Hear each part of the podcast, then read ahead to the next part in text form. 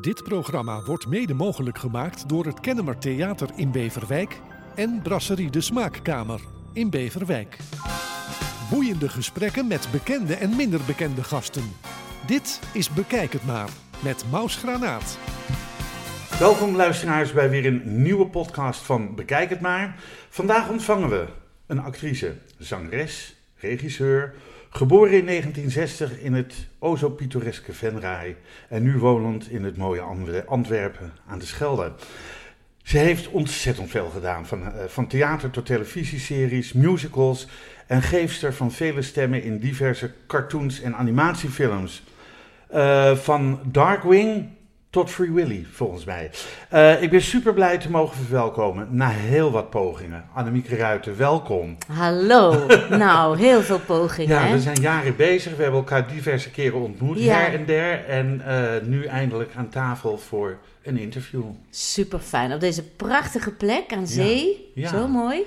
Je bent al even naar het strand geweest. Ja, maar daar werd ik gezandstraald. Oh, dus, eh, Ik dacht dat het niet zo stormde eigenlijk. Het, zonnetje schijnt en dat eh, maar aan zee is het pittig. pittig. Dus we zijn gauw naar jou hier gezellig. Nou, hartstikke Lekker mooi. warm binnen. Hoe gaat het met je? Het gaat heel goed met mij. Ja. Ik ben eh, het corona gebeuren goed doorgekomen. Ja. En ehm, nou ja, ik sta in de startblokken voor een nieuwe productie. Dus Wat voor productie gaat ik ga worden? vanaf maart eh dagboek van een herdershond doen in Maastricht. Oké, Alleen in Maastricht. Ja, dat is op, eh, op locatie in het MEC. Die Ja, ja, die groot. Ja. En daar komt een soort spektakel, musical, à la Soldaat van Oranje, 4045. Met eh, pastoor Oudekerke. ja, Ja. ja.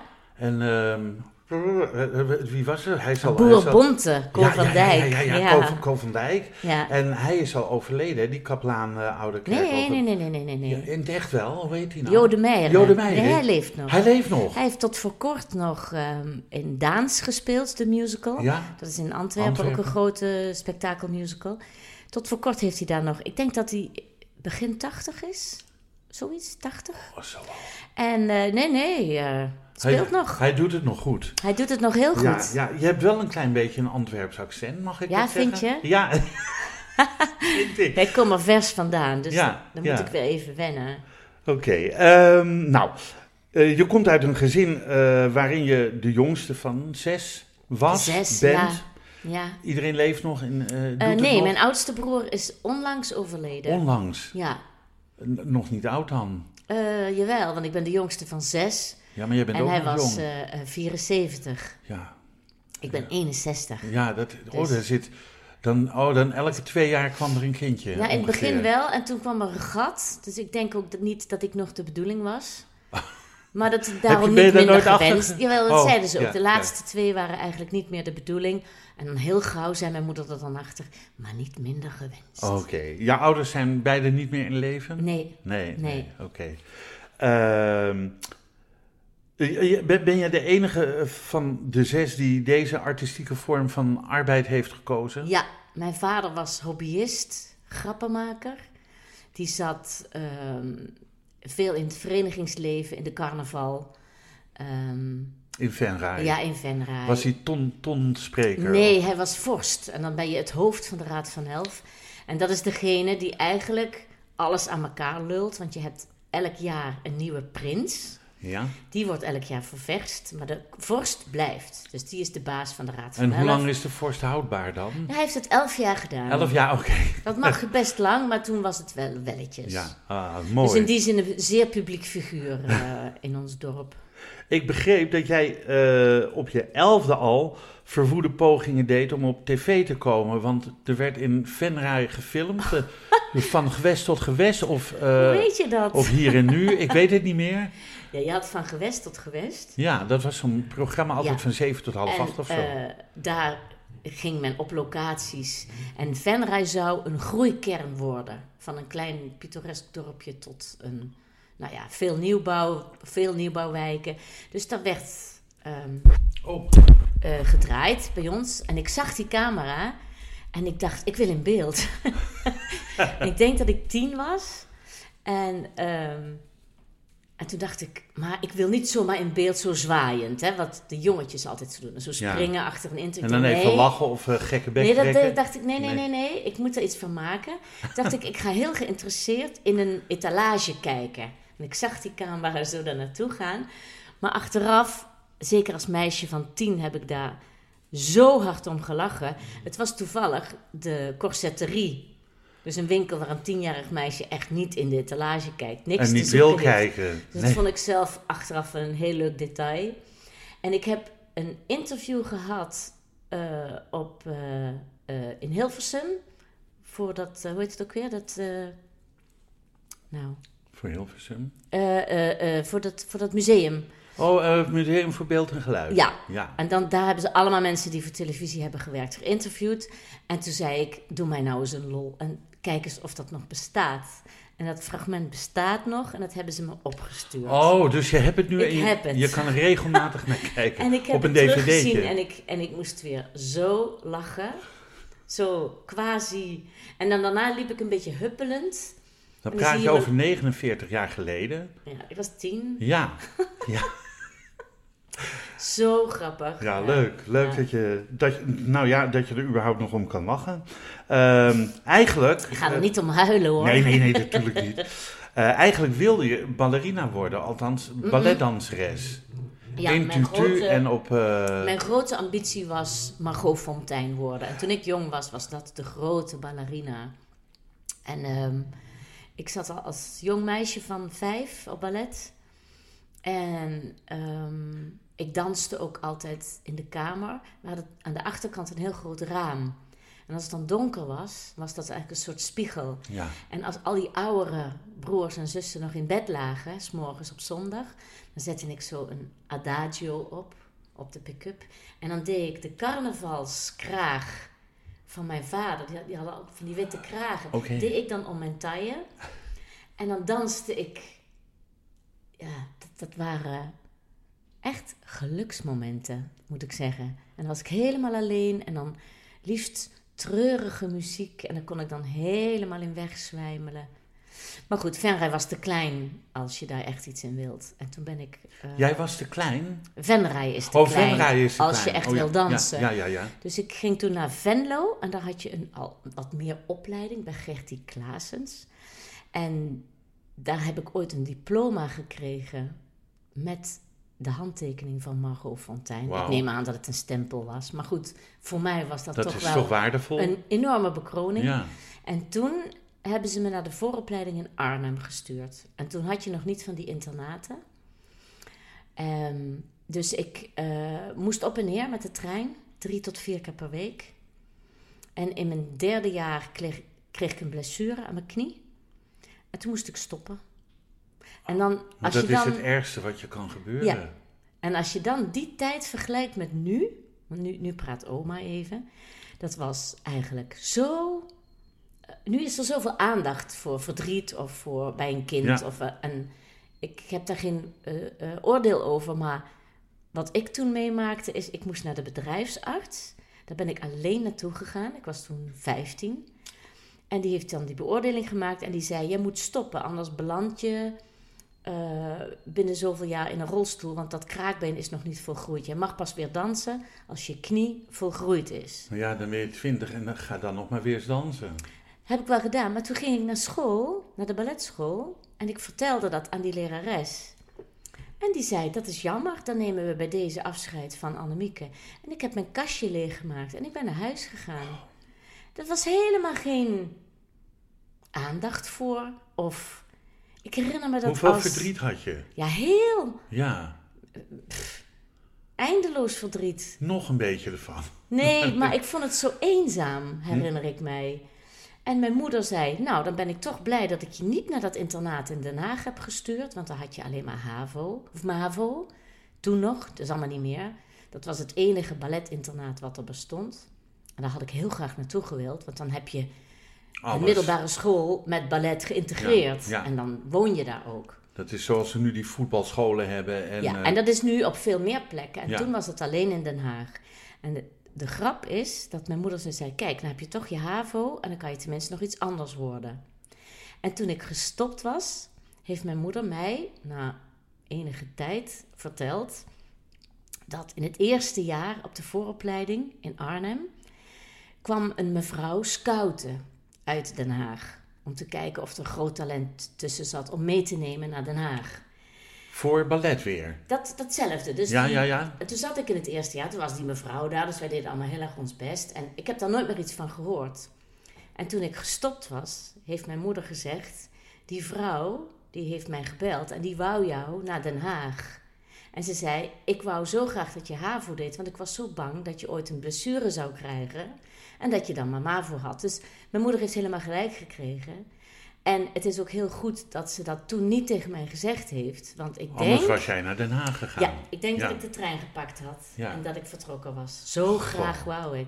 Heb je nog wel eens van die geluksmomenten die je toen had, beleef je dat nog wel eens? Nou, het is leuk dat je dat vraagt, omdat ik ben, ehm, als ik danste, was voor mij het, het opperste geluk. Dus één worden met muziek en, en dansen en dan de perfectie opzoeken. Dansen is natuurlijk tot elk spiertje, elk botje moet Ja. op de perfecte plek staan.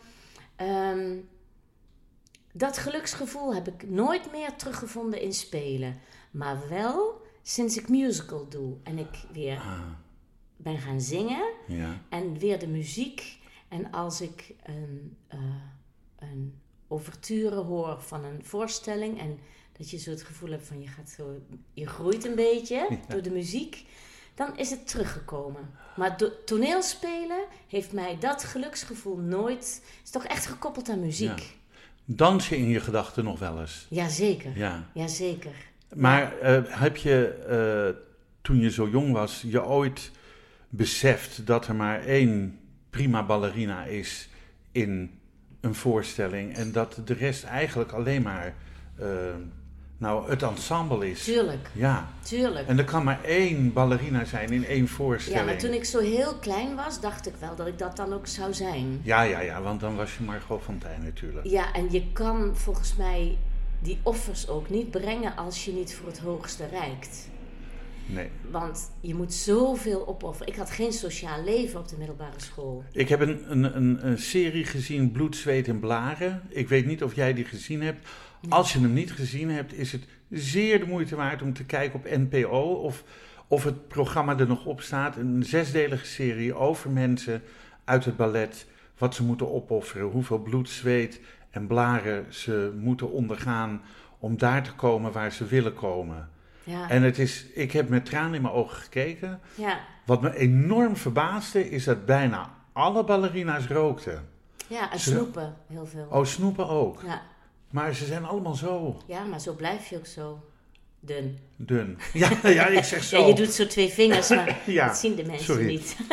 Ehm, Nee, maar je bent ook altijd te dik. Dus daar hou je ook een trauma aan over. Dat je jezelf de rest van je Ja. leven sowieso te dik vindt. hoezo bedoel je dat? Nee, ik op mezelf. Oh, oh, jezelf. Mezelf. Als je Ja. eenmaal gedanst hebt, dan ben je daarna altijd te dik. Ja, want ik vroeg net, wil je een roze koek? Toen zei je, nee, en coronakilo's. Ja, één of twee. En dat is dan alweer te Ja, veel. ja. Ik ken er nog zo eentje, die zit nu boven. Maar goed, Eh, wat, wat ben je gaan doen na het eh, voortgezet onderwijs? Ehm, nee, nee, ja, ik had dus nooit nagedacht over iets anders dan dans. Ja, Ehm, en, zat, en ik dacht, ja, ik vind kinderen wel leuk, maar ik wil niet in het onderwijs. En toen dacht ik, dan ga ik in de hulpverlening. En toen ben ik HBO-J gaan doen in Maastricht. Ik wou, jeugdwerk is dat. ja, dat is, eh, dan word je de begeleider van de groepsleiders. Dus dat is een HBO-functie die. Ja. Eigenlijk heb je uiteindelijk met die kinderen niks meer te Nee, maken, nee. maar je begeleidt de groepsleiders. In een tehuis of in een. Nou, Woonvorm. ja, Ja. en eh, ehm, dat was jaren 70, eind jaren 70. Dat was nog heel erg de tijd van het breien van fluoriserende truien. ehm, waar ik ook aan meedeed. Ik ontwierp ook mijn eigen truien. Ehm, ik eh, kon dat niet. Het enige vak wat ik leuk vond was drama, spelen.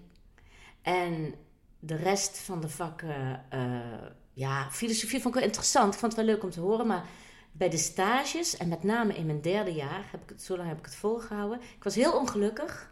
Ik vond het niet fijn.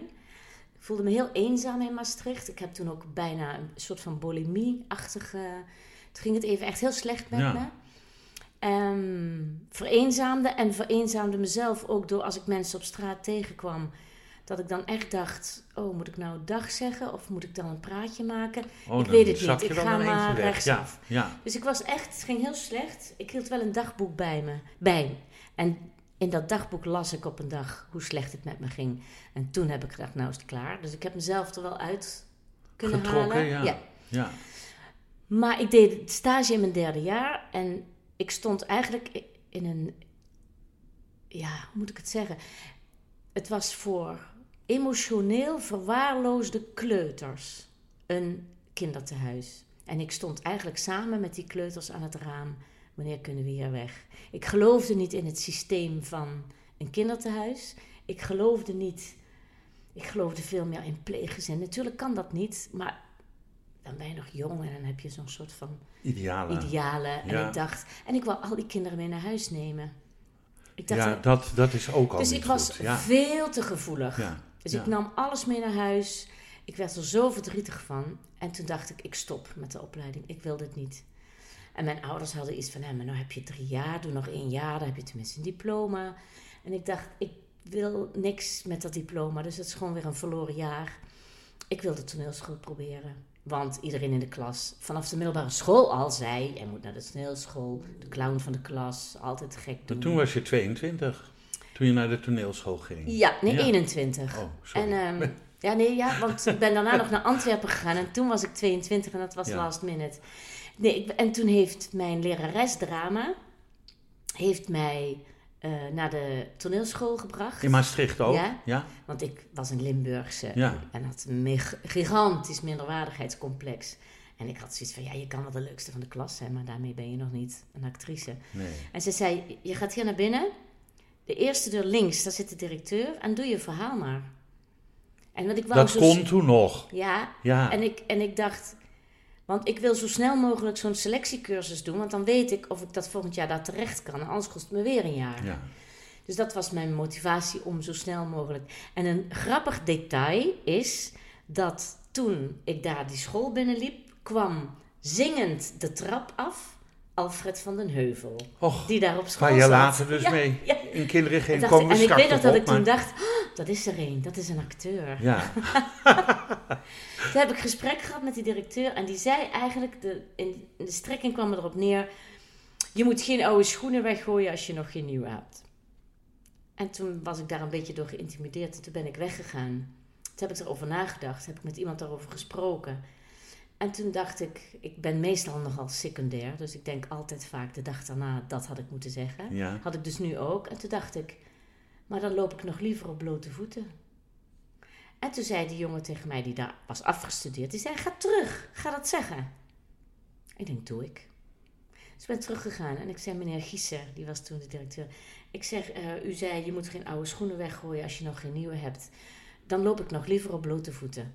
Bah, had ik het gezegd. En toen zei hij, jij komt selectiecursus doen. Wat een motivatie. Ja, Nou, daar heb ik eh, een eerste jaar gehad en dat zal ik je allemaal besparen, want daar zijn allemaal dingen fout gelopen buiten mijn schuld. In ieder geval, dat, dat draaide niet goed uit. nee. Ik zat in de klas met iemand die zei: Jij moet naar Antwerpen, want in Antwerpen werken ze vanuit beweging. Ja, Vijf vormen van dans, schermen, tapdans, eh, allemaal bewegingsvakken. En vanuit die eh, eh, ingang ga jij veel beter spelen. En ik vond, vond dat wel waar. Want toen ben ik best wel dapper, vond ik dat. Naar Antwerpen gegaan. En ik dacht, wow, ze spreken daar ook Nederlands. Dus dat maakt allemaal niet uit. Nou ja, dat... maar dat was eigenlijk jouw keuze om naar Antwerpen te gaan. Ja. Daar, en daar ben je nog steeds eigenlijk. Nee, ik, ben, ik heb twintig jaar in Nederland gewoond, hè. Ja, maar je woont weer in Antwerpen. Ik woon nu weer Want je hebt daar een liefde ontmoet Ja. natuurlijk. Ja. Eh, ehm, even kijken. Eh, Ron, Ron Cornet. Mhm, ja. mhm. ja, Die heb ik ontmoet in mijn vierde jaar toneelschool in Maastricht. in Maastricht. Eh, eh, Antwerpen, sorry. Oh, in Antwerpen. Dus in. Antwerpen ging het allemaal van een leien dakje. Daar voelde ik me heel erg snel thuis. Dat, dat paste veel beter bij mij. Ik was ook in Maastricht heel erg geïntimideerd door de mensen uit de Randstad. Die daar kwamen met een harde G en Ik, keek er allemaal... Zou je, dat, zou je dat nu nog hebben, Annemiek? Nee. Nee, hè? Nee, ik bedoel, maar jij ik hebt had... je nou toch wel bewezen, denk ik, in al die Ja, maar, ik, ja, maar ik, ha- ik had daar echt last van. Dat Limburgse... En waar- hoe komt dat? Chantal Jans heeft zich er toch ook leuk uitge, Ja, uitgekikkeld? die komt misschien... Ja, ik, ik heb die, die bevestiging te weinig gehad waarschijnlijk vroeger. Om, om, om me sterker te voelen. Ja, dat, maar dat zit in mij. En, dat, en die eigenschap hebben de Vlamingen ook. Dus daar voel ik me eigenlijk heel... Die hebben allemaal Thuis. dat minderwaardigheidscomplex. Dus dat is heel fijn. Ehm, maar, maar Ron heb je dus ontmoet in de, Ja. op de toneelschool in Antwerpen. een, ja, een korte romance en dat is voorbij gegaan. En, eh, Het is weer teruggekomen. Ja, twintig jaar later. Ik ben naar Nederland gegaan, getrouwd in Nederland met een Nederlandse acteur. En superleuke tijd in Nederland gehad. Altijd wel veel heimwee. Ik ging heel vaak weekendjes terug logeren bij klasgenootjes. En ehm, ehm, af en toe een voorstelling gespeeld ook nog wel eens in Antwerpen. En eh, nou, twintig jaar later zijn wij elkaar weer tegengekomen in 2005. Mhm. En toen sloeg de vlam in de pan. En toen ben ik gescheiden. En in Antwerpen gaan wonen. Bij Ron. Ja, Ja. en nog steeds En heel gelukkig. Nog steeds heel gelukkig. Ja. Mooi. Ja, en ze dat- leefde nog lang en gelukkig, ja.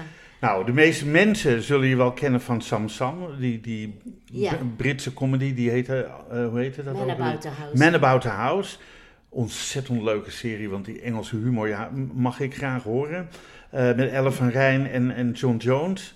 Zeg ik dat Joost goed? Buitenweg. Oh, Joost Buitenweg zat er nog in. Ja. Als een een of andere Jules Royaerts foute... en Bea Mulman. Ja, Jules Royaerts. Ja, die heb ik ook nog. Die waren die, die twee buren, hè, die oude buren beneden. onze huisbaas. George en Mildred, zeg ja, maar. Ja, ja, ja, klopt. Ehm, en je hebt natuurlijk ook gedaan, eh, waar we het net over hadden, Kinderen geen bezwaar met Alfred van de Heuvel. Ja, Joey van der Velde, nooit meer wat van gehoord. Ja, die is bij de radio een tijd gaan werken. En volgens mij woont hij nu in Brabant. En dat doet hij projectjes. Ik weet niet precies wat. Af en toe bellen we elkaar eventjes. Dat was je zoon in ieder geval. In de zoon serie. van Alfred. Eh, de zoon van Alfred in Ja. de serie. Ja. En Celine was Purcell mijn- was jouw dochter. Ja. En eh, altijd in de serie hoopten we dat die, mensen, die twee jongeren wat met elkaar zouden krijgen. Dus in het begin wel gebeurd en later niet gebeurd. Nee, uiteindelijk zijn ze getrouwd. De allerlaatste aflevering. Dan heb ik die gemist, denk ik. Ik dacht dat er een andere eh, eh, iemand voor Joey kwam, dat hij eruit stapte. Hij is een tijdje eruit geweest. Ja. En toen is hij weer teruggekomen voor de laatste reeks. Oh, En toen zijn ze uiteindelijk getrouwd. oké. nou. En ze leefde nog lang in gelukkig. Ja, maar je, hebt, je moet dat altijd hebben in een comedy. Hè? In een comedy mag eigenlijk niks veranderen. Je speelt eigenlijk elke week hetzelfde in een andere situatie. maar dat is denk ik de kracht van een comedy. Ja, Die herhaling Want John van... en ik mochten elkaar ook nooit krijgen. Nee, Hij wou altijd met mij en altijd kwam er net weer iets tussen waardoor dat het niet gebeurde. wie ik geweldig vond in jullie serie, ja, is Ingeborg Elsevier. Oh, in Kinderen geen bezwaar, ja. Ja, oh, en kinderen geen Mijn bezwaar. moeder, ja. ja. Ja, ja, ja, ja, jouw moeder eh, in de serie. Ja, En, ehm, maar dat ze tegen Gerard altijd ja Bert, of ze noemde hem altijd met Verkeerde een andere naam, ja. verkeerde naam. Maar dat terugkerende, dat maakt een comedy zo sterk. ja. Dat vind ik ook van, eh, ehm, van Gerard Cox en eh, de- toen was toen geluk. was geluk heel gewoon. Ja, de, die, steeds die terugkerende kwaadheid van hem en de, dat maakt een serie zo. Als je Maar dat, je, je wil als publiek dat dat en dat gebeurt en dan krijg je het ook. En Ja, dat is zo fijn. en dat is, dat is Ja. leuk. Want Ja. je, zit te wachten tot het weer komt. Ja, je denkt, hij zal toch niet weer? Ja, Ja. Ja, geweldig. ja. Ehm, we hadden het al even over, over musicals. Eh, en, maar je doet ook tv, tv-series, stemmen, toneel. Is er een van die disciplines waarvan je zegt, nou, dat, dat vind ik nou het leukst om te doen? Ja, dat is de eeuwig terugkerende vraag. Ehm, oh jee, stel ik van die... Nee, eh, dat is, maar dat is een hele logische vraag. Ja. Ik zou hem ook stellen. ik denk, je doet zoveel disciplines. En Ja, maar en, en dat is nou net precies wat het zo leuk maakt. Al die verschillen. de afwisseling, Ja, ja. ja. Nou ja, Eigenlijk is alles leuk. en is- En als het zich afwisselt, en ik heb in die zin wel het geluk gehad dat ik heel veel afwisseling had, Ja, is het, is het fijnst. Van alles een beetje. ja. Want als je een tijd in de studio hebt gezeten, dan denk je wel, ah, ik wil weer eens op reis, ik Ja, wil weer precies. eens eh, precies. de baan op. En, eh, Ik, moet- ik, ik, wil, ik, doe, ik praat gewoon door, jij gaat de baan op en dan? Nou, dan is dat weer de romantiek van het theater. Al die verschillende schouwburgen langs. Eh, en, en, en dan ben je dat weer beu, de Ja. files. Waar ik nooit zoveel last van heb, eerlijk gezegd. Eh, want ik denk, ja, zeker als je in een bus reist met z'n allen. Dan denk ik, nou, als we te laat zijn, zijn we met z'n allen te laat. Ja, precies. Ik vond reizen vroeger lastiger toen je nog geen mobiele telefoon had. Want dan, dan kon je Zeg- niet bellen. Dat zeg je nu expres, hè? Nee, Ik heb hem in mijn hand. nee, maar dat was echt als je dan in een Ja. file stond. En dan dacht je, iedereen is al in het theater en ik ben er nog niet. Dan had ik soms echt de neiging om over de vluchtstrook te gaan rijden. Ja. En die stress is weg. Want je belt gewoon even. Eh, eh, en dan zeggen mensen, nee, ik zet het wel vast voor je klaar. Alles is maar- bereikbaar Ja, en, en te en dat regelen scheelt onderweg. zoveel onrust. Ja. Ik weet dat jij samen met Maaike Widdershoven en Smadar Monsinos eh, de drie dochters speelde van Tevje in de musical Anna Tefka, volgens mij in 1999, Ja. uit mijn hoofd, Klopt. met Henk Poort. Ehm, klopt toch, Maaike? Ja, klopt. Ja, Zou je zeggen. daar zou je het hebben. Hey, Annemiek, hey Annemieke. Dag Maaike. oh, jullie, Hey. jullie kennen elkaar nog? Wij kennen elkaar ja, nog, Ja, oké, ja. ja. Maar eh Maaike, hoe was het om met Annemiek te werken in, eh, in ieder geval in deze musical? Want jullie hebben later nog in The Sound of Music gespeeld. Aspects of Love. En Aspects of Love zat jij ook in. Oh, met Ja. Lone van Roosendaal en eh Nee, nee, nee, nee, met, nee, nee. nee, met een... Ernst Daniel Ja. Smit. nee. We Ook hebben niet. een concertante voorstelling gemaakt. Een kleine voorstelling. Oh, Met Paul Vaas, die had dat geïnitieerd. Met Rian van der Akker en Philip Bolluit, Maaike. Ehm help me eens, Maaike. ehm, Ja, even kijken. En, jij. Nee. En, eh, en Paul Vaas dan als... eh, eh, die, zeg Paul maar, de Vaas, ja. In, Ja. in het werktheater hebben we dat een paar In het weken. werktheater. In Amsterdam. Twee weken. Ja. oh oké. Twee weken lang. Want de Aspects of Love die ik gezien heb, was ook Ja, dat met Maaike, maar dat was Ja. inderdaad, oké, dat Ja. was later.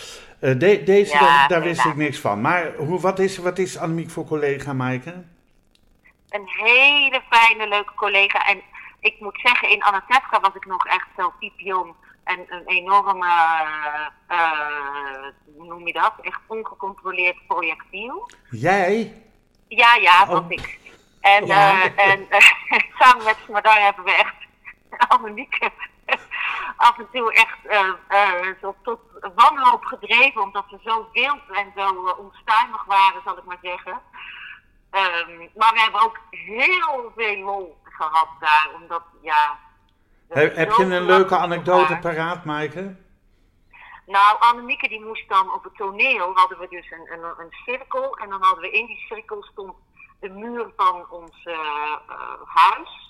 En we konden dan niet af eh, ongezien. Dus we moesten bijvoorbeeld eh, eh, op het toneel blijven. En dan, dan gingen wij het huis uit en dan stonden we achter de muur voor het publiek onzichtbaar. Maar dan had Annemieke ook nog een scène daarnaast. En dan was ze heel boos en kwaad op, op haar vriendje, zal ik maar zeggen, Dick Cohen. En dan liep ze naar achteren toe, helemaal kwaad. En dan stonden wij achter die muur alleen maar hele gekke bekken te trekken naar haar. en dan moest ze weer heel boos nog weer teruglopen naar Dick. Dat soort, eh, en dan deden we Sugar Lee Hooper bijvoorbeeld na achter de muur. En we, en we hebben, we hebben ook met z'n drieën hebben we bijvoorbeeld Henk. eh, ja, eh, hebben we, die had dan bijvoorbeeld was een enorme uh, opdreef met, met Bart Omen op het toneel. En die moest dan ook een beetje van het toneel af, want het was dan zogenaamd de schuur. En, Ja. dan, en dan was hij eh, tegen Bart eh, aan het roepen van alles. Ik heb vijf dochters, vijf. En dan, en dan zag je ons in de coulissen staan, een beetje in die schuur. Dus zodat Henk ons goed kan zien met allerlei... eh, nou, gingen we ook eh, ja, proberen om hem... ehm, Een beetje uit zijn rol te krijgen. ja, Ja. We Nou, hebben hele leuke dingen. Maar het publiek heeft nooit iets gemerkt. En zo professioneel zijn we dan ook. Kijk, kijk, daar spreekt de ware artiest.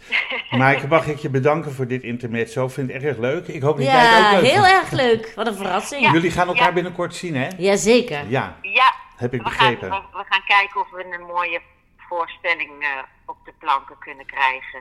Oh, heb je al een idee wat voor voorstelling? Ja, daar kan Annemieke misschien wel iets over. Gaan we daarover praten. Lieve Maaike, dank je wel en ik hoop je ook weer gauw een keer te zien. Dag lieve Ja, Maaike. ook. Wat Dag. zeg je? Dag lieve Maaike, zei ik. Dag. Oh, dag, dag. Doei, doei. Veel plezier daar nog. Doei! nou, dat was Maaike. Eventjes. ik had wel het geluk wat zij zei. Zij stonden altijd met z'n tweeën echt gek te doen. Want ik had dan die scène met Dick, dat ik tegen hem moest zeggen: Wanneer ga je me nou ten huwelijk vragen? Ja. Vraag het nou aan mijn vader. ja, dan- je vader Tefje. Ja. Dus ik was inderdaad dan heel boos en dan stonden zij gek te doen. Maar ik had het geluk, ik was Zeitel, de oudste, en die huilde altijd. Dus als ik moest lachen, dan ging ik altijd maar huilen. Daar kon ik het altijd mee redden, want dat lijkt heel erg op elkaar, lachen en huilen. Ik heb eh, de voorstelling gezien. Eh, eh, ik, ik wist toen nog niet zo goed wie Annemieke Ruiter was en wie Maaike Willershoven was. Henk Poort was Tefje, dat wist dan iedereen, zeg maar. Ehm, ik heb die voorstelling gezien. Ik heb me ook een beetje verbaasd over de voorstelling. En dat is eigenlijk, en dat zal ik straks ook even vertellen met eh The Sound of Music.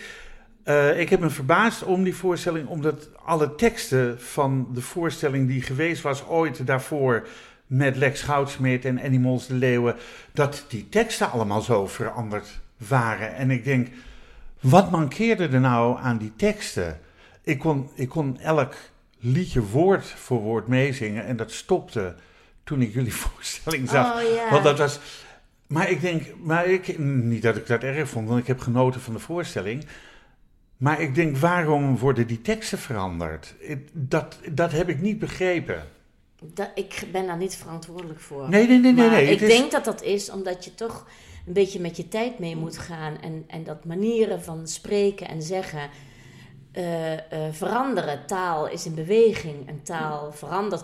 Als je al ziet hoeveel versies er van The Sound of Music, het liedje door Ga- Remy zijn Ja, geweest. ga ik zo ook nog wel Snap even je? Dat, dat, Ja. dat Ik snap, dat, je- ik snap dat dingen veranderen, maar dan trek ik het nog een stap verder. Want een, misschien drie, vier jaar geleden eh, werd Anatevka weer gedaan. En dan met Thomas Akda in de hoofdrol. Heb ik En niet gezien. Ik, heb hem ook, ik wilde hem ook niet zien. Want ehm, eh, waarom niet? Ook omdat, A, ik vond Tefje met zo'n plat Amsterdams accent als Thomas Akda heeft. Dat, vind, ik- dat vond ik geen Tefje. Tefje moest een beetje... ja, het is dat- wel een dat- volkse man. Dus op zich vind ik het geen slechte keuze. Nee, ja, Nee. ik, ik, ik kon dat niet zo goed. Ik kon het niet zo Mhm, goed hebben. mhm. En eh, met alle respect zaten er heel veel, eh, een aantal zwarte mensen in. Ik denk dat was niet in die tijd. Dat, ik denk, je haalt ook die tijd een beetje eh, ehm, op een bepaalde manier door elkaar. Ze hadden ook in The Sound of Music een zwarte barones. En ik denk, joh, laat die musical zoals het was. Probeer, of zie ik dat verkeerd? Ja, ik heb daar ook al over nagedacht. Ik dacht, ik dacht, dat kan helemaal niet 1939 in Wenen. Nee. Daar was geen zwarte vrouw in de high Nee. society. Nee. Maar ik, ik heb begrepen, ehm, daarom ben ik ook blij dat ik nu weer in een voorstelling ga zitten met allemaal hele jonge mensen. De generatie na ons, die kunnen colorblind kijken, heet dat. Dus die zien dat niet meer. Ik wel. Ik Ja. kijk nog. Ik kan niet colorblind kijken, zeker als het historisch is. Dus ik, ik begrijp jou, omdat ik het ook heel moeilijk vind. Ehm, ik heb Sound of Music niet gezien, de laatste versie. Hij speelt weer met Francis van Broekhuizen als een Ja, perfecte moeder tuurlijk. Overste. Dat zal zeker zijn, zal Ja. zeker zijn. Maar ik begreep ook dat de kindertjes zijn ook... Wat ik dacht, ehm, de barones is zwart en de kindertjes zijn ook dus colorblind gecast. Maar ik denk dan, omdat ik dat dus nog niet kan, dat is een makkes van mij, hoe noem je dat? Een Een makke. tekortkoming van Ja, mij. ja. Als er dan een zwart kindje tussen de kindjes zit, dan denk ik: Oh, de kapitein heeft het wel al met Elsa gedaan, want ze hebben er al een kind van. Dat denk ik dan. Wat ik daarover kwijt wil, is dat ik, dat ik ehm, het eh, enorm waardeer dat dat gebeurt. Ik vind dat ook een vorm van vernieuwing. Alleen, het is mijn beperking dat ik dat nog niet kan. Ik zie de, aan de kinderen van mijn vriendin Ja. die dat dus kunnen. Die zien echt. Die zien niet meer of iemand zwart is of, of geel, rood, blauw, paars. Die zien dat gewoon helemaal niet meer. Die zijn zo één. Die, eh, de zoon van mijn vriendin woont in Rotterdam. En daar is geen scheiding. Dus die kunnen. ehm, ik, ik, ik moet ook ineens denken aan. Ik heb net eh, Little Women gedaan, een concertante voorstelling. ja.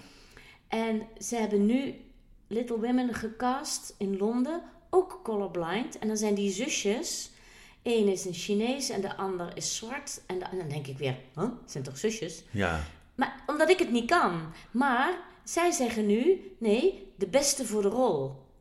En het maakt dus niet uit. Of dus het is een hele andere manier van denken. Ja. En die manier van denken, ik zit nog zeg maar in de overgangsgeneratie, dat ik dat nog niet zo goed kan. En dat is mijn beperking. Ik denk daar ook dat dat mijn beperking is, want ik kan het ook niet, maar niet ik, zo goed. ik zou willen dat we daarop uitkomen, de beste voor de rol. En dat we dan nu in dit stadium daarom nog iets te veel overhellen naar dan nu extreem veel zwarte mensen eh, op toneel. Omdat, op, zodat die ook in rollen komen dat ze niet altijd hetzelfde moeten spelen.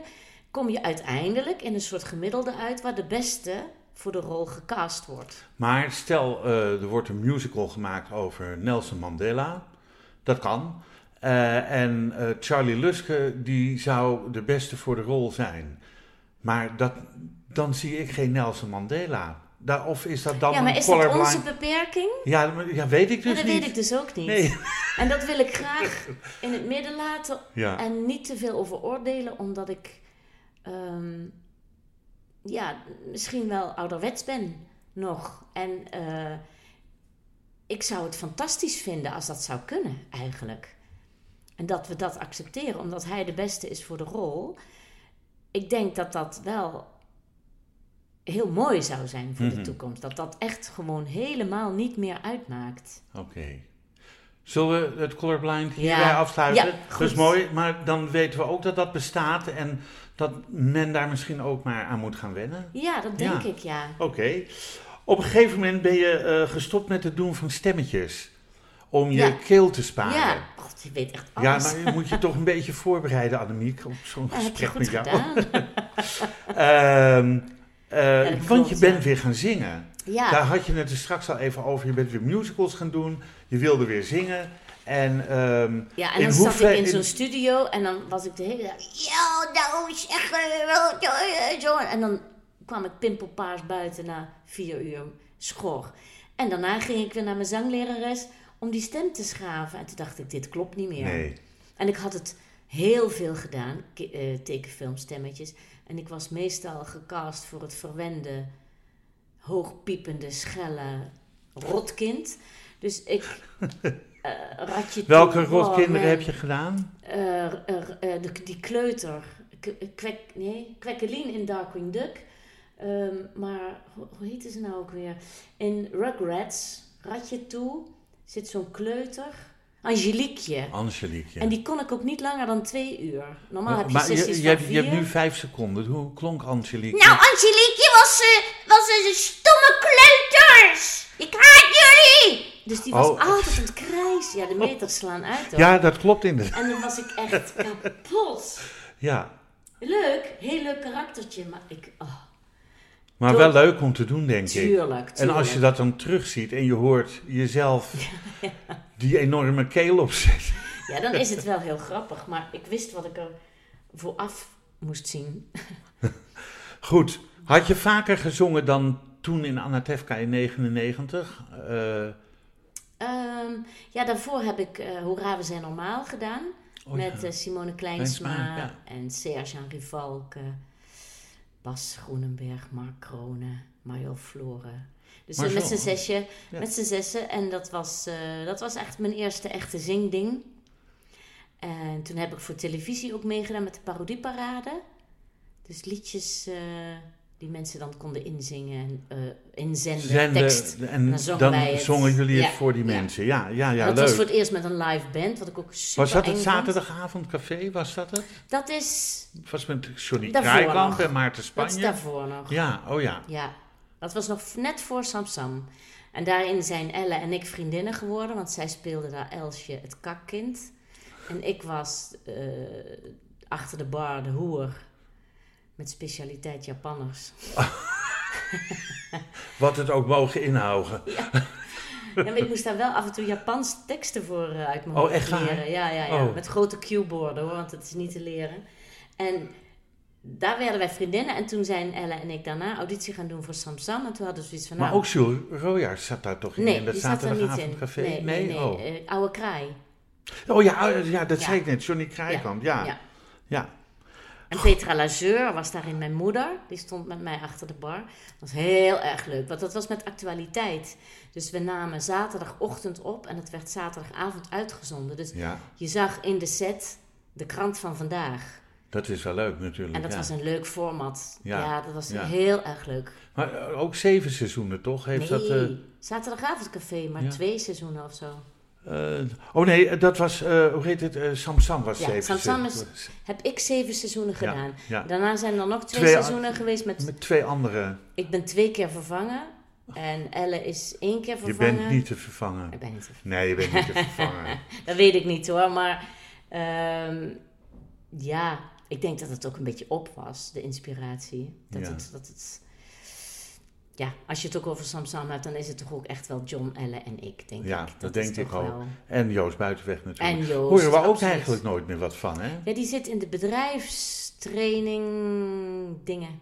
Voor ook maar met, als acteur eh, bedrijfstrainingen doen. Goh, Bedoel ik je moet dat? je eerlijk zeggen dat ik dat niet weet. Nee, maar geef, geeft niet. Nee. Was ook maar een vraag. Ehm, is er een compliment wat je ooit gekregen heeft, hebt, wat jou altijd is bijgebleven? Oei, een compliment wat me ooit is... Ja, ik heb één keer een heel leuk compliment gekregen. Ehm, ehm, ik ben heel erg ehm, perfectionistisch in, in de taal. Dus als ik een Vlaamse speel, dan wil ik ook dat het een Vlaamse is. Dat je denkt... En ik speelde in Nederland... eh, Facelift heette dat. Met Ingeborg Elsevier en Doris Baten, Harriette Tol. En eh, daar was ik de Vlaamse huishoudster. En er zat een Belg in, uit Gent, Olivier de Smet, en die speelde de tuinman.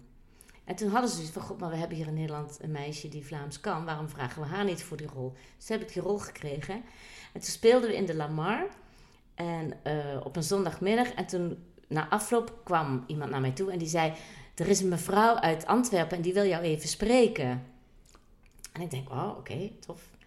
En eh, ze kwam naar mij toe en ze, en ze zei: Zeg, dat was een heel tof stuk. En, eh, maar ik heb het wel gezien, ze, hè? En ik zei: Oh, eh, wat heb je gezien? En ik dacht, mijn broek stond open of zo, dat ze dat ging zeggen. En toen zei ze: Ga ze een echte vlomse, maar die jongen niet. Oh, Gijs, Nou, dat vond ik zo'n ja, dat is, dat is een compliment. Ja. Daar heb je je rol goed neergezet, hè? Ja, daar was ik heel blij mee. Ehm, is er een karaktertrek van jou waarmee jij een ander tot wanhoop kan drijven? Ik kan heel druk zijn. Ehm, maar dat gaat wel wat beter met de jaren, moet ik zeggen. maar ik kon vroeger wel echt dat mensen zoiets hadden: kan die knop, waar zit de uitknop bij jou? Dat weet ik wel. Oh, toch? Maar dat is niet meer zo tot wanhoop. God, ik hoop het niet. Dat weet ik eigenlijk niet.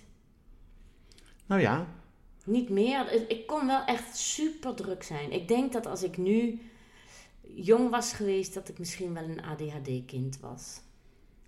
maar zo kom je niet over, helemaal Nee, niet. niet meer. Nee, niet maar meer. dat was, dat was, dat Zie je, was- maar het gaat vanzelf over dus. Ja, naarmate de jaren Je moet er niet allemaal stempeltjes op zetten. Nee. Ehm, wat is jouw grootste onzekerheid? Ah. Ehm, Ik heb er vele. ik heb er Nee. veel, ja. Ik kan... ehm, wat ik het moeilijkste vind aan mezelf... is dat ik zo snel geïntimideerd kan zijn door mensen. Ik kan mensen heel snel op een voetstuk zetten... waardoor ik mezelf onderuit haal. Dit is de derde keer dat je dat zegt in dit Ja. interview. Oh ja?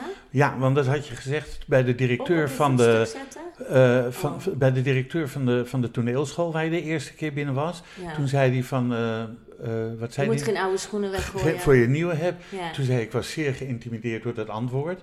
Dus, de- en, en Ja, maar dat is iets anders. Ik kan, ik, ik, ik doe het zelf. Dus ik, ik plaats iemand anders altijd hoger dan mezelf. Bij voorbaat al. Dus ik een collega, of denk, oh, wat die kan, jeetje. Ik, ik, ik ben niet jaloers, maar ik ben ehm, Je kijkt tegen ze op. heel snel. Ja. En veel te veel. Maar waarom, waarom doe je dat al- ja, als je waarom jezelf... doe je dat? Als, ja, ja, maar ja, je hebt jezelf zo enorm bewezen in ja, al dat die... vind ik dus helemaal niet zo. Nee, maar dus waarom niet? Dus heb je een soort van minderwaardigheidscomplex? Ja, ik denk het wel, ja. Ja, ik denk het wel. En komt dat misschien, ja, misschien draaf ik door, eh, doordat je eh, zo abrupt met ballet moest stoppen, waar totaal geen aandacht aan besteed werd en een opleiding gaan doen waar je je niet prettig in voelde en uiteindelijk op de toneelschool belandde? Ik weet het niet. Ik weet het echt niet. Ik, ik, ik heb wel wat theorieën, maar die ga ik hier niet vertellen over mijn jeugd. Die, die niet zo, Niet zo leuk niet zo zijn. bevorderlijk waren voor zelfvertrouwen. Ja, Ehm, maar ja, ik, ik, ik, het als, is, ze, als ze van tevoren niet tien keer zeggen van je doet het echt goed hoor, maak je geen zorgen, dan geloof ik het pas. Ik, leg Ja. het, ik kan het niet. je hebt die Ik bevestiging weet allemaal nodig. hoe het moet, hè? Ik weet verstandelijk precies, je moet het uit jezelf halen, je moet je eigen kracht. Ik weet het allemaal. Ja, Ik ben 61, dus ik weet precies. Alleen, het lukt niet altijd. Nee. En ik denk dan, en dan toch te veel bevestiging nodig van. Ja. Om te geloven dat het Dat oké je het toch- is. goed doet. Ehm, Erg, hè? nee, nee, het is niet erg, maar dan pro- probeer ik Ik vind het heel Met, vervelend met mijn aan mezelf. psychiatrische achtergrond probeer ik het meteen op te lossen. maar dat, dat lukt toch niet. Ehm, welke grote beslissing heb je onlangs wel of misschien juist niet genomen? Heb ik een grote beslissing genomen? Nee, dat, dat is een vraag. Nee, ik Niet. heb geen grote beslissing genomen, geloof ik. Misschien straks als ik naar huis rijd, denk ik, oh, maar dat ben ik Ja. nog vergeten te zeggen. Ja. Ehm, mm, mm. ik zou het zo 1, 2, 3 niet weten. Wel, nou, ik heb wel een klein beslissingje genomen, omdat ik merk... Ik had, ik had een droompje dat ik hoopte dat ik in België aan de slag kon. En ik heb daar van alles voor geprobeerd. Allemaal dingen opgezet. En alles wat ik nu doe in België, heb ik ook aan mezelf te danken. Dus ik, ik doe Ja. een voorstelling met een zeer bekende Vlaamse actrice, waar ik dan op mee kan. Maar na 15 jaar merk ik, ik denk toch niet dat het lukt in België. Ik ben te oud nu. En ja, maar kijk, als je een actrice bent van 61 en niemand kent je, Maar met een heel Dan- jong uiterlijk. dan, nee, maar dat doet er niet toe. Maar dan, dan, dan klopt er dus iets niet. Want anders hadden we jou al lang gekend. Belgisch wereldje is zo klein. Dus het is heel raar dat er ineens een actrice van 61 met zo'n cv, wat best wel veel is. Ja, best. Dat, ja. dat is raar voor hun. Dus dan, Ja. ik snap ook wel dat je er dan niet meer tussen komt. En dat heb ik moeten opgeven een beetje. Want ik, had, ik werk heel graag in België. En daar werd ik ook weer heel ongelukkig van dat dat steeds mislukte. En dat, ik, dat is wel weer niet goed voor mijn zelfvertrouwen. Dus het was heel erg fijn dat ik met open armen ontvangen ben in Maastricht. Bij Albert Verlinde en Servé Hermans. Zonder auditie en gewoon meteen nee. Oh, wat fijn dat je mee wil doen. Dus dat deed wel heel goed. Ja. Dus dat is een beetje een beslissing. Maar dat is dan toch ook een positieve boost voor je Heel. zelfvertrouwen? Ja, heel. Ja. Ja, heel. Ja. Heeft me heel goed gedaan. Maar het is ook een beetje die beslissing dat ik dacht... ik ga België loslaten. Het lukt toch niet. Ik ga weer terug naar Nederland. Maar zou je ook weer in Nederland willen wonen? Nee, Dat niet. nee. Je wil aan de Schelde blijven wonen. Ja, Ja. Ik voel me daar heel fijn. Nou, dat is, dat is prettig. Maar het is wel steeds, hoe ouder je wordt, hoe langer de afstanden worden eh, na- om naar Nederland te komen. En ehm, vandaag ben je er ook en je combineert natuurlijk wel wat met het Ja. een met het ander. Hartstikke leuk. Ehm, maar goed, eh, dat is dus wel iets als je in Nederland wil gaan spelen, wat meespeelt als je weer van Delfzijl tot, eh, tot Geleen moet gaan spelen. Ja, maar ik heb een tot, fantastisch adres... waar ik heel veel logeer. In, In Nederland. In Purmerend. oh, in Purmerend. Bij mijn vriendin Wifineke. Is ook Oh, van collega. Groningen. Ja, tuurlijk. Ja. En daar ben ik altijd welkom. En die heeft ook hondjes. En dan mag ik mijn hondje meenemen. En Oh. daar voel ik me... Daar, daar heb ik al de allerlaatste jaren steeds gelogeerd. Als ik moest repeteren. Oh, dat is dan wel een hele fijne pied Dat is echt een thuisplek. Ja. Ehm, als je morgen wakker wordt en je hebt er een nieuw talent... Als nee, je wordt morgen wakker en je hebt er een nieuw talent bij. Wat voor talent zou dat moeten zijn? Goh, wat een moeilijke vraag, hè. Ehm, ik heb er een talent bij.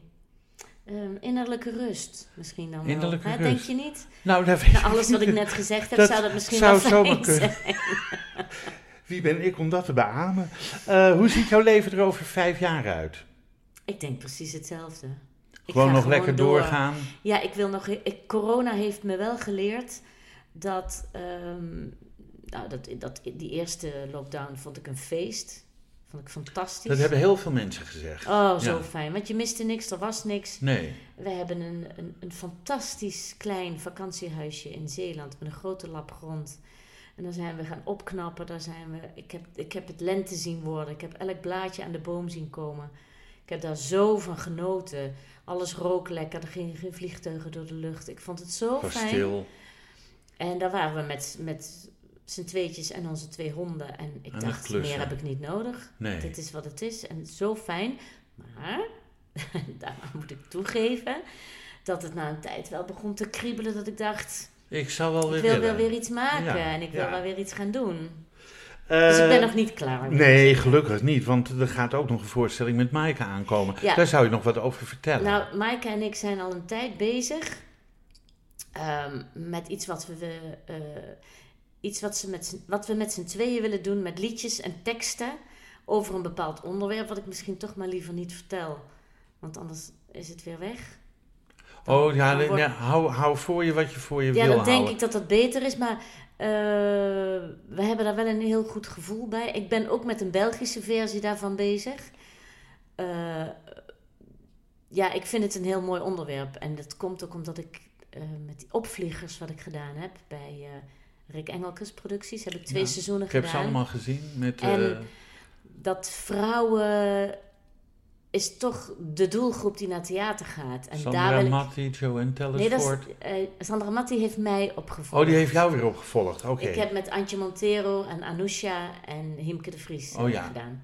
Ja. En ehm, da- daarin heb ik wel gemerkt dat de doelgroep vrouwen van 45 plus is een superleuke doelgroep om theater voor te maken. Daar hebben ze nu Liften 2 ook weer voor in het ja, leven geroepen. ja, Ja, ja, ja. dat snap ik heel goed. Ja, Dus ik- eh, eh, daar heeft het wel een beetje mee te maken. Dat ik voor die doelgroep weer iets wil maken. En dan met Maaike, ja, dat, dat is gewoon ja. familie. Nou, hartstikke mooi. Leuk om te weten. We kijken, wanneer willen jullie dat op de plank zover zijn we nog niet. Zover nee, zijn nee, jullie nee, nog. nee. Moet Want nog er zijn zo weinig worden. garanties nog. Het moet nog helemaal gemaakt. Maar we hebben al wel kapstokken, liedjes verzameld. Dat soort kapstokken, maar hebben jullie ook kapstokken die jullie dan eh, in de arm nemen en de voorstellingen gaan verkopen? Nog Bij niet. Hans Cornelissen of... eh, Geen idee. dus er gaat een leuke showcase komen. Ik hoop het. Ja, dan we gaan gewoon kijken. iets... Ja, ja. Ja. Eh, dan neem ik de directeur van theater hier mee natuurlijk. Dat is toch leuk? Ja. Ehm, stel je voor, morgen zit je achter het bureau van Mark Rutte en je bent voor één dag minister-president van Nederland, maar je mag ook één ding in Nederland veranderen. Wat, Annemieke, zou je veranderen in Nederland? Ik ben niet meer zo thuis in het Nederlandse. Dat is een makkelijk excuus. Ehm,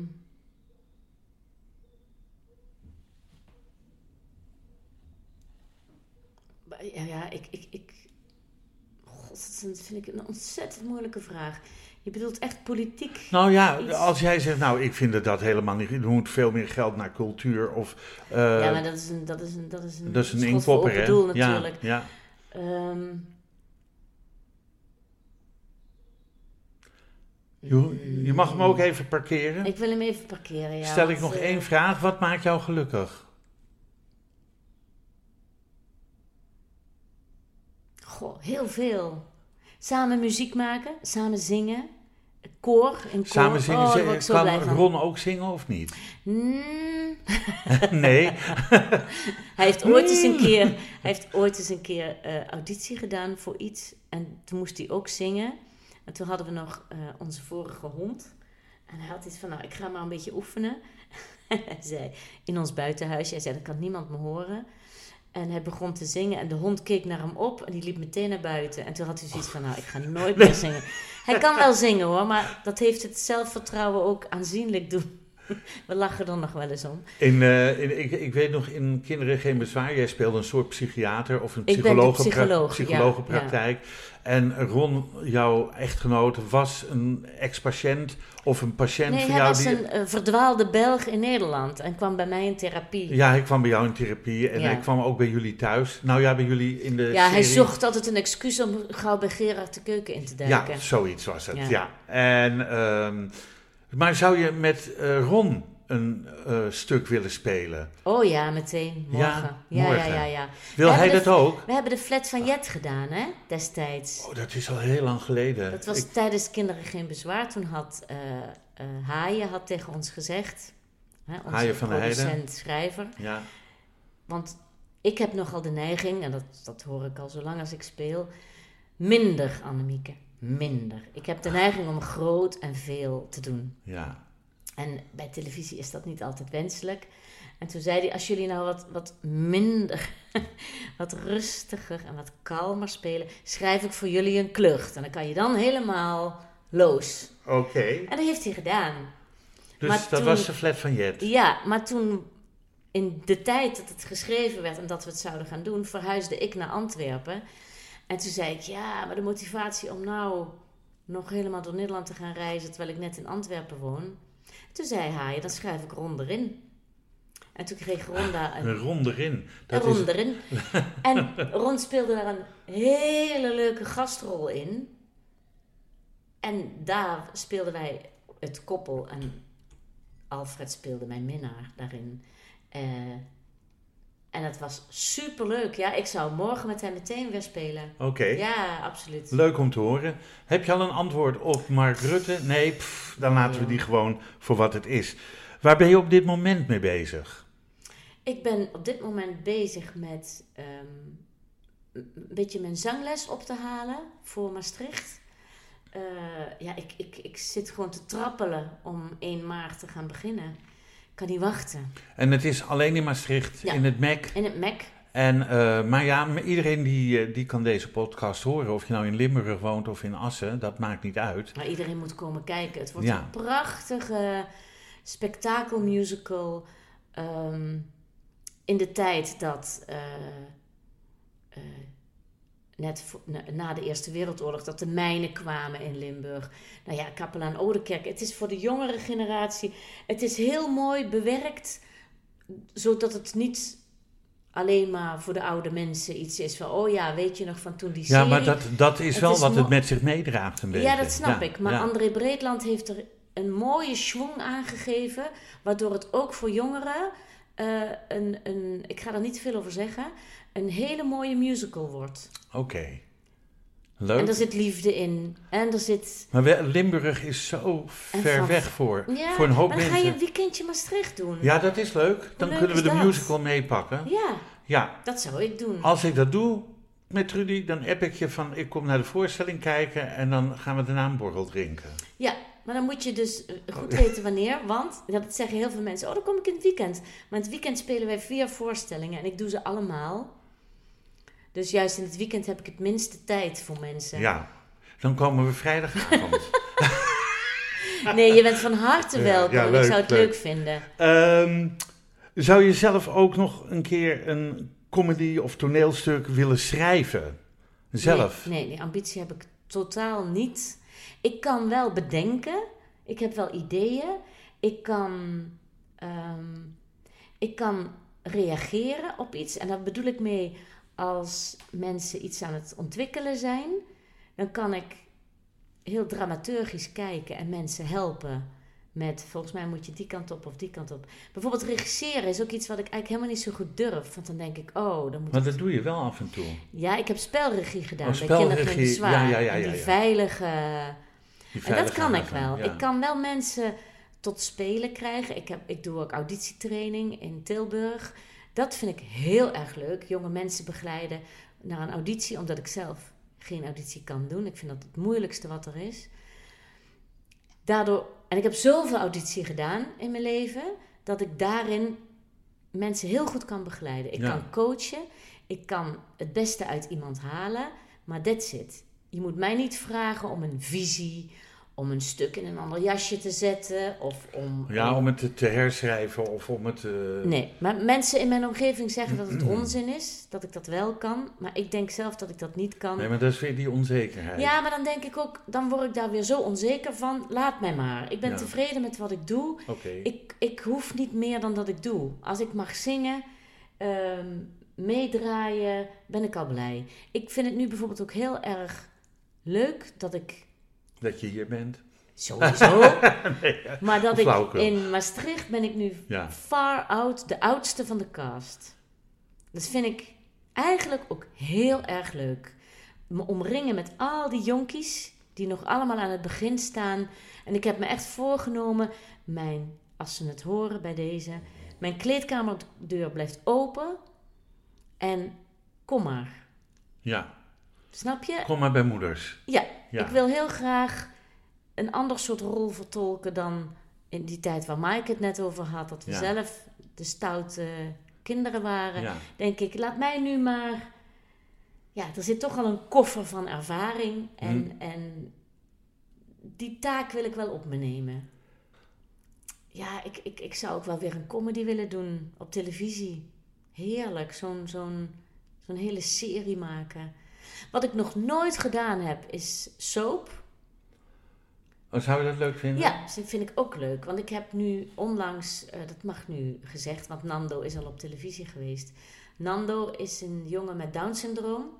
En die heeft eh, bij Umberto in de avond eh, televisieshow Ja. te horen gekregen. RTL Late Night? Dat hij een gastrol kreeg in goede tijden, slechte tijden. En dat is zijn grote Oh, die, hij is er al in geweest, Hij inderdaad. ja, geweest. ja. En ik heb hem gecoacht de Ach, eerste wat periode. grappig. Omdat Ja. ik zijn moeder heb gespeeld in Dr. Anders Down, Ja, die voorstelling. ja, ja, ja, ik weet dat hij gemaakt is, ook met eh, mensen met Down Met twee syndroom. jongens, ja. Ja. En ik was de moeder van Nando. En ik heb hem gecoacht omdat ik dacht, ja, alles goed en wel, maar hij moet dat wel goed kunnen doen. Dus ik wil hem daar wel bij helpen. Nando is- had een hondje ge- gestolen in eh goede Ja. of gestolen, meegenomen Ja, ja. in goede tijden en dat wilde hij niet meer teruggeven. Nee, want hij vond dat die mensen niet goed voor dat hondje zorgden. ja, precies. Ja. En hij heeft nu eh, een aantal draaidagen gehad en die heb ik begeleid. En toen dacht ik wel, god, dat zou ik toch ook wel eens leuk vinden. Soap, vooral omdat ik zo'n eh, perfectionist ben en het zo goed wil doen. Dan denk ik, ja, in soap moet je ook leren lossen. Het gaat gewoon snel. Mhm. Dus je krijgt één Zo kans gaat heel snel, ja. en dan moet je het doen. En dan denk ik, dat vind ik ook wel weer eens een uitdaging om dat te kunnen doen. Nou, ik ben benieuwd je te zien in, eh, in goede tijden, slechte tijden. Ik heb geen idee, maar Nee. Als ze je bellen, jong, hè? Het is allemaal jong, jong, jong, jong, jong. Hmm, Nou, Jette van der Meij, Bart Braat zit er niet meer in. Eh Krijkamp. eh, Johnny Krijkamp, senior, eh, junior. Die, je mag geen junior meer zeggen als de senior is overleden. Oh, is dat hè? zo? Volgens mij, ja. Dan is gewoon Johnny Krijkamp zit Ja. erin, inderdaad. Ja. Zijn we zaken vergeten? Wil je zelf nog iets kwijt? Heb je een website? Nee, Elk zichzelf respecterende acteur of actrice Nee. heeft toch een website? nee, heb ik niet. Maar wil je het nog ergens over hebben? Nee, ik, eh, ik vind dat je heel veel hebt gevraagd. En volgens mij is er heel veel gezegd. Er is ook veel Ehm, gezegd. Ja, Ik ben blij. De zon schijnt. dat is Ik vind mooi. het gezellig hier. Eh, We gaan het zo nog veel gezelliger maken. Dan wil ik eh, jou, Annemie Kruijten, enorm bedanken voor je komst. En je mega veel succes wel wensen met eh, Dagboek van een Herdershond. ja, In het merk waar gewoon iedereen naartoe moet. Eh, als, het, mensen, als mensen dat in de gaten willen houden, is er een site over Ja, Dagboek ja, van een ja. Herdershond. Als je dagboek van een herdershond googelt, kom je er zo op uit. En dat, dat zijn, kaarten zijn al...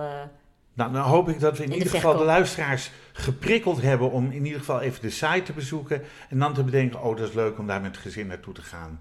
Weekendje Maastricht pakken en Annemie Ja. Kruijten zien daar. ja. Ja, eh, dus heel veel succes en een, een mooie toekomst. En voor iedereen in die cultuursector wens ik gewoon eigenlijk iedereen het allerbeste. De podcast waarnaar u heeft geluisterd wordt uitgegeven door de Vrijstaat Roots. Alles is na te lezen op www.bekijkhetmaar.com. Bedankt voor het luisteren en wat mij betreft graag tot de volgende podcast. Dit programma werd mede mogelijk gemaakt door het Kennemer Theater in Beverwijk en Brasserie de Smaakkamer in Beverwijk.